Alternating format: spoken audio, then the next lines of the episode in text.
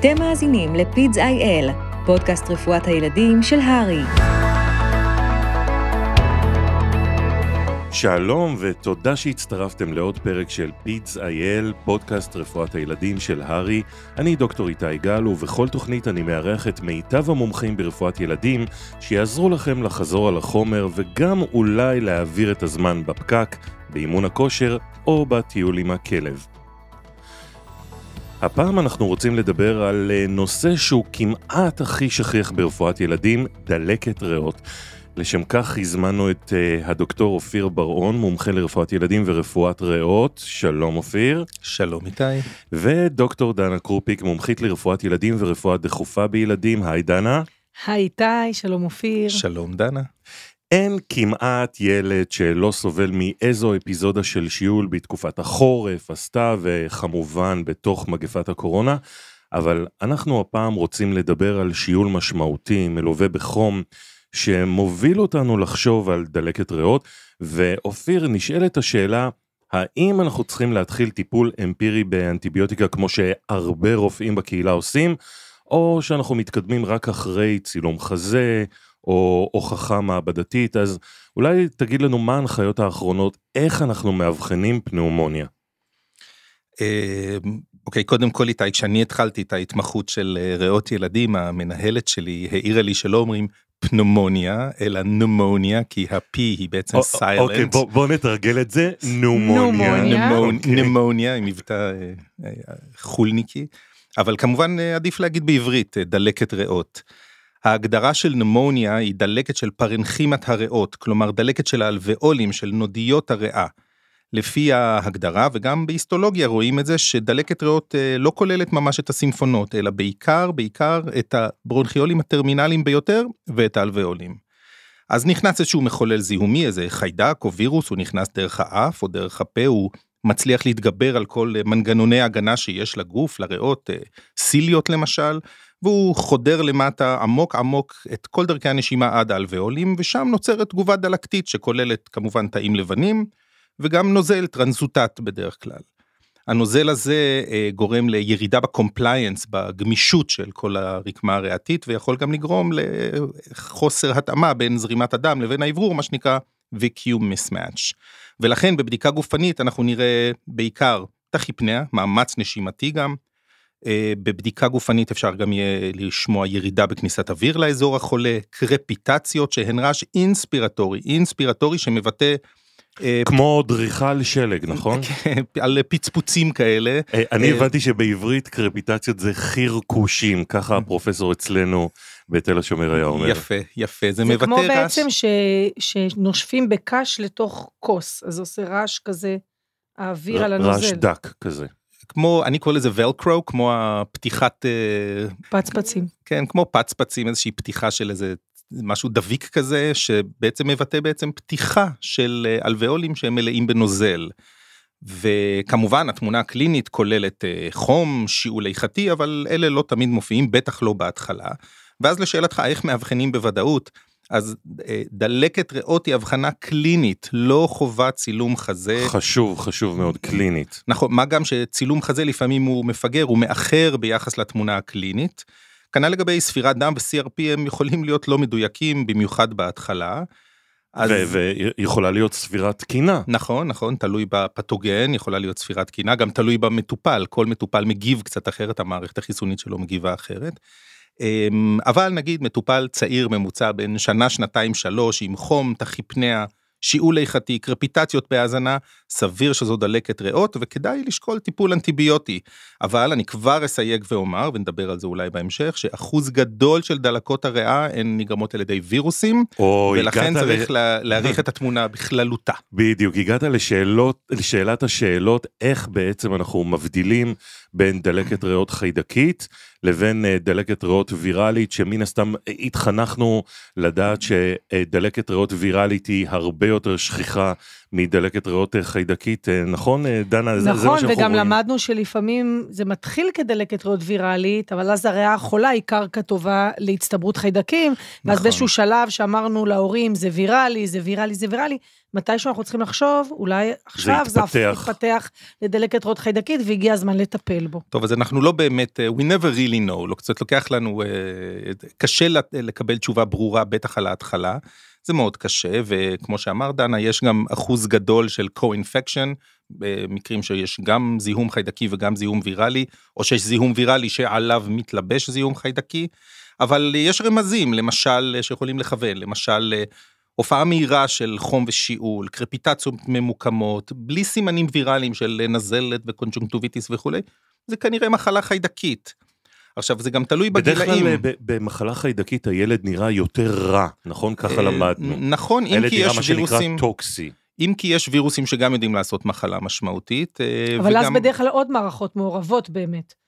וירוסים פחות עושים מחלה ממוקדת באיבר נכון, אחד. נכון. עוד מערכות יהיו, בטח אם יש שלשולים, שזה מערכת שונה לגמרי. מסכים, ובטח אם מסכים יש דלקות לגמרי. עיניים. מסכים לגמרי, צריך לזכור מבחינת וירוסים וחיידקים שגם יש מנעד לאורך השנים הראשונות לחיים בוודאי, על אה, איזה גיל אופייני לאיזה סוג של זיהום, אז נהוג להגיד שבככה שנים הראשונות לחיים רוב דלקות הריאה הן ויראליות, ובעיקר RSV, כן, כן, זה וירוס שעושה ברונכיוליטיס. גם במבוגרים אגב. אה, אני יודע עד גיל 17 את, את מחקרים שעוד הראו שאפילו עד 50% מדלקות הריאה נגרמות על ידי וירוסים, שוב, בעיקר RSV שעושה ברונכיוליטיס, אבל גם יודע לעשות דלקת ריאות פרנכימטית ממש, וגם, וגם ריינווירוס, שפעם חשבנו שעושה רק נזלת, ואדנווירוס, שאולי הזכרת דנה, והיומן מטפנוימווירוס, כל אלה יודעים לעשות ברונכיוליטיס, אבל גם דלקת ריאות פרנכימטית. אמ, אינפלואנזה, שפעת כמובן, אה, יודע לעשות גם וגם, בעונה המתאימה, גם פארה אינפלואנזה. אה, אבל לא נשכח שבשנים הראשונות לחיים, אה, חוץ מווירוסים יש גם חיידקים, ופנומוקוק הוא הכי קלאסי. השיפט קורה, השינוי קורה סביב גיל כזה 4-5 שנים, שאז רוב דלקות הריאה הן כבר בעיקר חיידקיות, עם מחוללים כגון פנומוקוק או מיקופלזמה. אז נחזור עכשיו אה, לבדיקות. אם הילד שלנו סך הכל במצב יציב, סובל מחום גבוה שיעול או קוצר נשימה, איזה בדיקות אני מבצע לו, ו- וגם אם אני במרפאה מרוחקת, האם אני צריך להתחיל לו טיפול אמפירי באנטיביוטיקה או לא? ושאלת השאלות, מתי לשלוח אותו לצילום חזה? אה, אז שוב אני אדגיש ואזכיר שדלקת ריאות היא הבחנה קלינית ולא חובה לבצע צילום חזה. מה גם שהזכרת את הקהילה, צילום חזה לא כזה תמיד נגיש, הוא לא תמיד קרוב, הפענוח לפעמים לוקח זמן. אה, במידה ויש סימנים אנמנסטיים וקליניים ברורים, קדימה אפשר להתחיל טיפול, תכף נדבר בדיוק מה. אה, אבל במידה ויש ספק, או במידה והתחלנו טיפול ואין אה, הטבה, אפשר לעשות צילום חזה, כמות הקרינה בצילום חזה היא מינימלית, והמידע שאנחנו מקבלים הוא אדיר, אז אה, למשל דלקת ריאות לוברית אה, יכולה לכוון למחולל מסוים, דלקת ריאות שהיא או עם הצללות כאלה, קטמיות פאצ'י כאלה, מה שאנחנו קוראים ברונכונומוניה, יותר מתאים למחוללים אחרים, ויראליים למשל. וכמובן בצילום חזה גם אפשר לראות אה, סיבוכים כמו נוזל, וזה יכול להסביר למה למשל ילד לא משתפר. אז מבחינת בדיקות, צילום חזה הוא כלי נהדר, אבל הוא לא כזה זמין, בטח לא בקהילה מרוחקת. אה, אם אפשר, ואם אין הטבה, אז קדימה, בטח. ואם אה, אי אפשר צילום חזה, אז לאחרונה אה, מתחיל לשגשג בארץ תחום ה POCUS אולטרסאונד. אה, ודנה, מה אנחנו יכולים לראות במכשיר הפנטסטי הזה שלדעתי אה, הולך להיות הסטטוסקופ הבא שלנו? אז נכון, הוא כבר הופך להיות, הוא לא מחליף לחלוטין את הסטטוסקופ, כי העבודות מראות שגם הרגישות וגם הספציפיות של בדיקת האולטרסאונד, בטח בהקשר של ריאות, היא עולה מאוד כשהיא באה ביחד עם בדיקה גופנית. זה לא במקום בדיקה גופנית, אנחנו בודקים את המטופל ואנחנו מבצעים את ה POCUS. זה די הופך סטטוסקופ ברוב מיוני הילדים בארץ, זה כבר הפך להיות הסטטוסקופ השני, וגם זה מתחיל להיכנס במרפאות. הספרות באמת מראה ש POCUS הוא יותר ספציפי, והוא הרבה יותר רגיש מאשר צילום חזה, ומשהו שעוד לא הוכח לגמרי, אבל התחושה של מי שעוסק בתחום היא שהוא הולך יותר בטיימינג נכון עם הקליניקה. עם צילום חזה לפעמים קצת מאחר, גם את ההופעה של הפנומוניה בצילום, סליחה, נומוניה, וגם את ההחלמה ממנה, יש תחושה שעוד לא הוכחה לחלוטין שהוא הולך יותר בצמוד לקליניקה. אז מה רואים בעצם, אתה שאלת? אז ריאה תקינה היא ריאה שמלאה באוויר. אוויר הוא האויב הכי גדול של האולטרסאונד, ולכן כשאנחנו מניחים מטמר על, על פתח הזה, אנחנו רואים בהתחלה את השרירים, ומתחת לזה, אנחנו רואים איזשהו ארטיפקט. אנחנו לא יכולים לראות ריאה תקינה, כי האוויר בעצם מעיף את הגלים ולא נותן להם לחדור. גורם להם אה, להתפזר. להתפזר, וזה, ורואים איזשהו ארטיפקט שאנחנו יודעים לזהות אותו. כשמתחילה הפתולוגיה, כפי שתיאר אופיר מאוד יפה קודם, אז בשלב הראשון מצטברים נוזלים. זה השלב הזה שאנחנו שומעים את הקרפיטציות, נכון? זה, זה כמו הקש במים. ואז יש ארטיפקט שמראה שיש נוזלים בריאה. הארטיפקט הזה הוא לא, הוא לא ספציפי לדלקת ריאות, הוא יכול להיות גם בבצקת ריאות באיש קשיש שסובל מאי ספיקת לב ואכל דג מלוח, אבל כשזה בא בהקשר של ילד עם מחלת חום, שיעול, יש לנו קרפיטציות ויש לנו עמימות בניקוש וירידה בכניסת אוויר, fremitus מוגבר, והממצא הזה, אוקיי, אז זה סימן שזה דלקת ריאות, במקרה כזה אני לא שולחת לצילום, יש לי אבחנה, אוקיי? בשלב הבא, הריאה מתמלאה בדברי, בתאי דלקת, ביותר מוגלה, והיא נהיית יותר מוצקה בקונסיסטנציה שלה. ואז היא בעצם נראית כמו כבד, אנחנו קוראים לזה הפטיזציה של כבד. Mm-hmm. וזה ממש תסנין שאפשר לראות. הדבר הנוסף שאפשר לראות באולטרסאונד זה סיבוכים, זה למשל נוזל פלורלי. אם ריאה הסתבכה, אם יש ילד חולה, והריאה הסתבכה, אנחנו לא צריכים צילום, אנחנו שמים מטמר, יודעים איפה יש נוזל, כמה נוזל יש, וכמה הוא מקפח את הנשימה. ו- ויש לנו דבר כבר... דבר קטן שאני ממש אוהבת לראות לפעמים, יש את הילדים שבאים עם, אה, שההתייצגות של דלקת הריאות שלהם היא כאב, היא כאב בטן ימנית תחתונה, נכון? אנחנו שמים מטמר, אנחנו רואים את, ה, את התסנין ממש נוגע בפלורה. ממש, וזה מסביר את הקליניקה, וזה יכול להסביר למה, הם לפעמים באים בלי חום ושיעול, רק עם כאב בטן. והפוקוס זה כמו העיניים של סופרמן, שמסתכלים דרך הקירות, אנחנו ממש יכולים לראות את הפתופיזיולוגיה ומה קורה שם, אנחנו פחות ופחות משתמשים בצילומים, איתי. ואפשר גם אה, למקם את זה באמצעות המטמר, לפי המיקום של המטמר, והיום יש כבר עדויות מרחבי העולם שמאפשרות לנו אפילו לחשוד בדלקת ריאות מקוביד-19, מקורונה. נכון, יש האדרה של הפלורה. זה סימן מאוד פתוגנומוני, בילדים אנחנו לא כך רואים את זה, כי ילדים הפנומוניה שלהם היא לא כל כך קשה בקוביד, ילדים חולים בדברים אחרים, אבל מרפואת מבוגרים אנחנו יודעים שיש האדרה מאוד מאוד, הפלורה כאילו מסנוורת, וזה סימן מאוד אופני, עם, עם העדות לנוזלים מפוזרים, שזה גם בקליניקה אנחנו רואים. אוקיי, אז uh, הבחנו פנומוניה, התחלנו טיפול או שעקבנו אחרי הילד, אבל הוא לא משתפר, הולך ומחמיר עם סימנים של מצוקה נשימתית, טכיפניה, שבה אנחנו מפחדים שהילד יתעייף נשימתית, רטרקציות בית חזה, נשימת כנפי אף, והיום uh, להרבה יש גם בבית אפילו מכשיר סטורציה והיא uh, יורדת uh, באוויר חדר, נגיד מתחת ל-93 אחוזים. הילד אפאתי, הקאות, בקיצור, הילד נראה לא טוב, והרופאה בקהילה מפנה לחדר מיון. אלייך, דנה, מה את עושה איתו אה, במלר"ד שלך? אז קודם כל, תלוי כמה הוא חולה. אם הוא מאוד חולה, אז זה טיפול יותר חירום. אם יש לנו זמן, אז כדאי לברר באמת מה הסיפור של הנומוניה הזאתי, מה, מה הבירור שהוא עבר בקהילה, איזה טיפול הוא קיבל כדי לראות אם הוא קיבל טיפול שמתאים או לא מתאים והוא החמיר עליו או שהוא החמיר על טיפול שהוא לא מספק, אם היה איזה טיול באזור מוזר, אם אנשים אחרים חולים מסביב. יש גם הבחנה מבדלת. אה, של קוצר נשימה ושיעול שצריך לקחת אותה בחשבון בילדים קטנים. אה, גוף זר הוא בדרך כלל לא בא עם חום, אבל יכול להתחיל ככה. ועליו להתפתח דלקת הריאות, אז דלקת ריאות עקשנית יכולה להיות בגלל שהוא גוף זר שנמצא שם. או סיבות אחרות לקוצר נשימה שצריך אה, גם באנמנזה וגם בבדיקה גופנית לברר אותם. יש גם סיבוכים שצריך לראות נוזל, נוזל ריאתי או פנומוניה שעמידה מאוד לטיפול והיא גדולה. אז אחרי אנמנזה ובדיקה גופנית ו POCUS, כן או לא צילום חזה לפי כמה שאנחנו דואגים. ובדיקות דם, בדרך כלל במחלות נשימתיות אנחנו מעדיפים minimal handling, אנחנו לא כל כך אוהבים לדקור ילדים, אבל ילד שהוא חולה כבר כמה ימים, יכול להיות שהמצב הקשה שלו נובע גם מהתייבשות, וגם מ... שזאת הבחנה קלינית, זה לא הבחנה מעבדתית התייבשות, אבל הפרעה אלקטרוליטרית, יש היפונטרמיה שיכולה להיות או מחוסר אינטייק, כי ילד לא אוכל טוב, או כי יש inappropriate ADH סקרישן בריאות, אז אנחנו צריכים לדעת מה מצב האלקטרוליטים שלו ואיך לתקן אותם. מה מצב הגלוקוז שלו, ילדים נוטים מאוד מהר להיפוגליקמיה כשהם חולים והם לא אוכלים טוב. צריך, אחרי שהוא קצת מתאושש, לראות אם הוא מצליח לאכול משהו או לא מצליח לאכול, כן או לא חמצן, ופוטרם נכנס מאוד מאוד חזק עכשיו בדלקות ריאה, גם זה מאפשר לנו, זה ופוטרם למי שלא לא מכיר, זה, זה חמצן שניתן באופן מחומם ו, ולח, ולכן אפשר לתת גם ריכוזים יותר גבוהים של חמצן, וגם הלחץ הזה שנובע משטף החמצן, הוא עושה ריקרוטים, הוא עושה גיוס של אלוויאולי שקרסו בדלקת ריאות. זה, זה הוריד לנו את שיעורי האינטובציה וגם מכין ילדים לאינטובציה מאוד טוב אם הם צריכים, זאת אומרת אנחנו מאוד קלים על ההדק היום עם, עם, עם הוואפוטרם, ואז אנחנו צריכים להחליט אם הילד הזה זקוק לחמצן, ואם הילד הזה לא אוכל טוב ויש לו הפרעות אלקטריות, הוא צריך אשפוז. אנטיביוטיקה דרך הווריד או דרך הפה, תלוי עד כמה הוא חולה, ולאשפז אותו להשגחה וטיפול.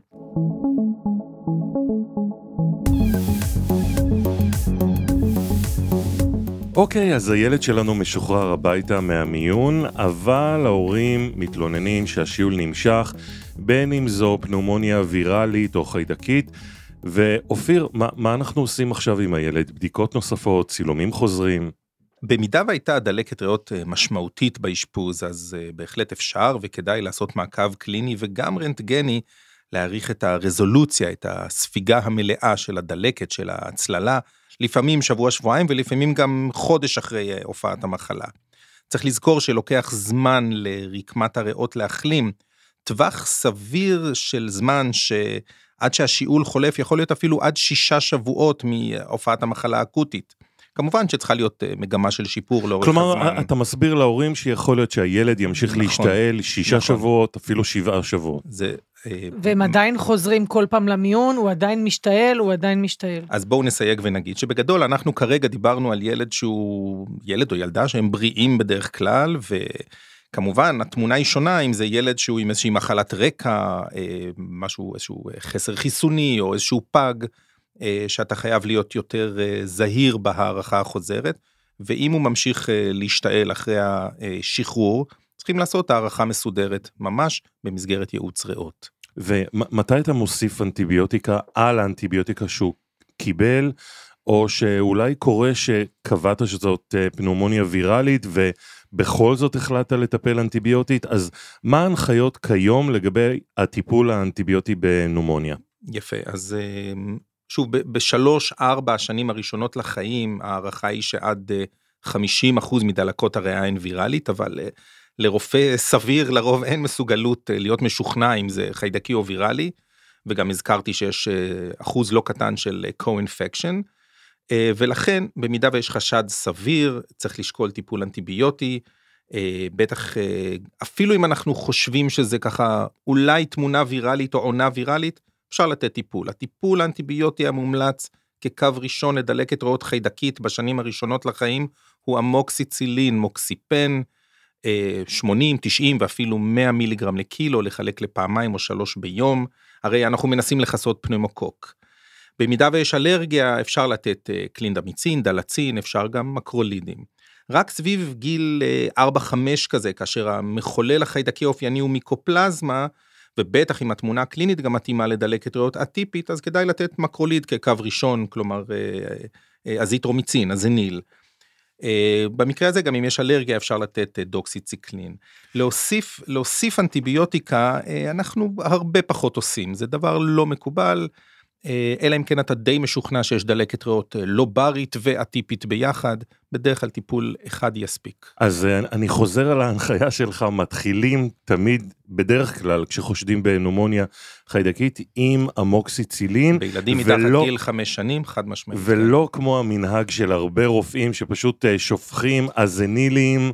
בלי סוף ויכולה להיות אפילו סכנה יש כאלה שטוענים שהזניל יכול להישאר בגוף במשך שישה שבועות או שיש עמידויות הולכות וגוברות לאזניל אז תרופת הבחירה מתחת לגיל חמש זה המוקסיצילין. אני, אני מסכים הזניל היא אנטיביוטיקה מצוינת היא אכן נשארת בגוף עד שבועיים.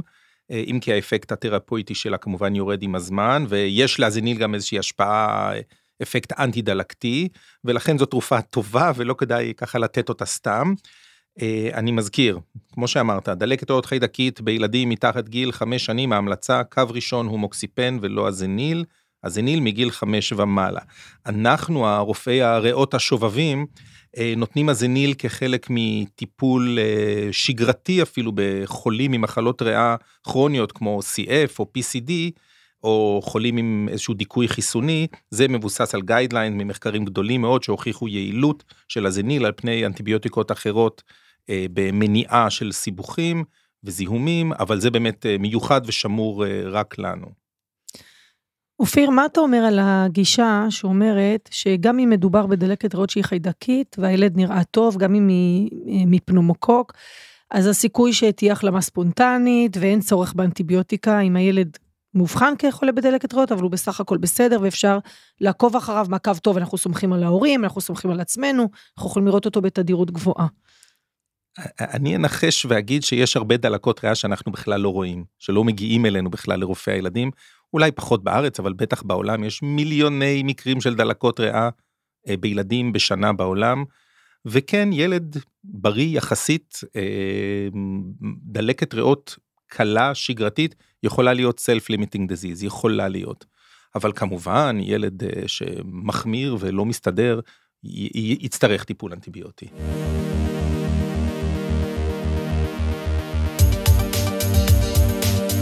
אז אנחנו חוזרים לילד שלנו עם השיעול הממושך, הוא שוחרר מהמיון לקהילה, ממשיך להשתעל.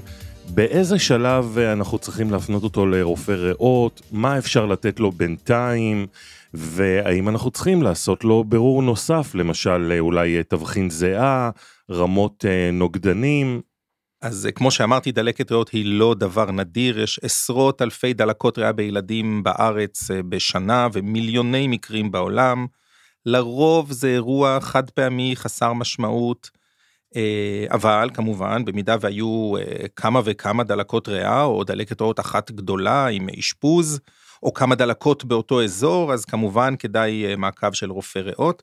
כנ"ל לגבי ילדים עם מחלות רקע, כמו פגות, או איזשהו דיכוי חיסוני, או נטייה לאספירציות, אז כדאי מעקב של רופא ריאות.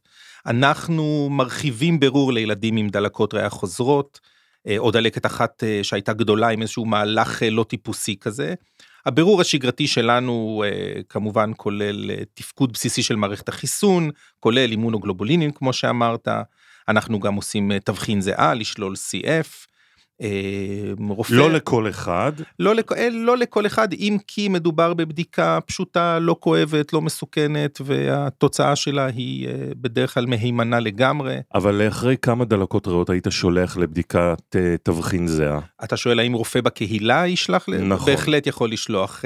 אני אגיד שמבחינה ארגונית נקרא לזה, כמעט כל ילד שמגיע אלינו כבר עם סיפור כזה, אנחנו נעשה לו את התבחין זהה, אז חבל אולי לשלוח אותם פעמיים לבית החולים, כי זה ממש במסגרת של אותו יום כבר בביקור אצלנו יעשה את זה. אמ, שאלת מה לתת בינתיים, אה, אז אה, הייתה איזה אפשרות של אה, לתת משאפים לילדים עם דלקות ריאה חוזרות, אז כמובן זה מבלבל, זה אפילו נשמע קצת מוזר, כי הרי משאפים לא מונעים דלקת ריאות. אני כן אגיד שילדים עם אסתמה, אז אסתמה מופיעה ב... כגורם סיכון לדלקת ריאות, ולכן אם יש ילד עם אסתמה לא מאוזנת, שיש לו הרבה ליכה ונטייה ככה לגירוי יתר של הסימפונות, אז בהחלט כדאי לשלוט ולאזן את האסתמה שלו, כדי אה, להפחית את הסיכוי שתהיה לו דלקת ריאות. אבל אה, באופן כללי ילד שמשתעל וההורים גם שומעים צפצופים, האם זו טעות לנסות טיפול במשאפים? לא, לא יקרה כלום אם הם ייתנו כמה ימים של משאפים כ- כניסיון, זה ההורים בבית, אבל רופא ילדים שיראה ילד מצפצף ו... צריך לחשוב טוב טוב האם הוא מטפל באסתמה או בנטייה לדלקות ריאה, זה, זה שני עולמות שונים לגמרי. מה לגבי אינהלציות של saline או סירופים לשיעול? אינהלציות של saline זה נחמד, קצת ככה מרטיב את ה airways, עוזר אה, להפוך את הליחה לקצת יותר אה, רכה ונעימה וקלה להוצאה אם יש הרבה ליחה, יכול למנוע פקקי, אה, פקקי ליחה כאלה שעלולים לגרום להחמרה זיהומית באיזשהו אזור.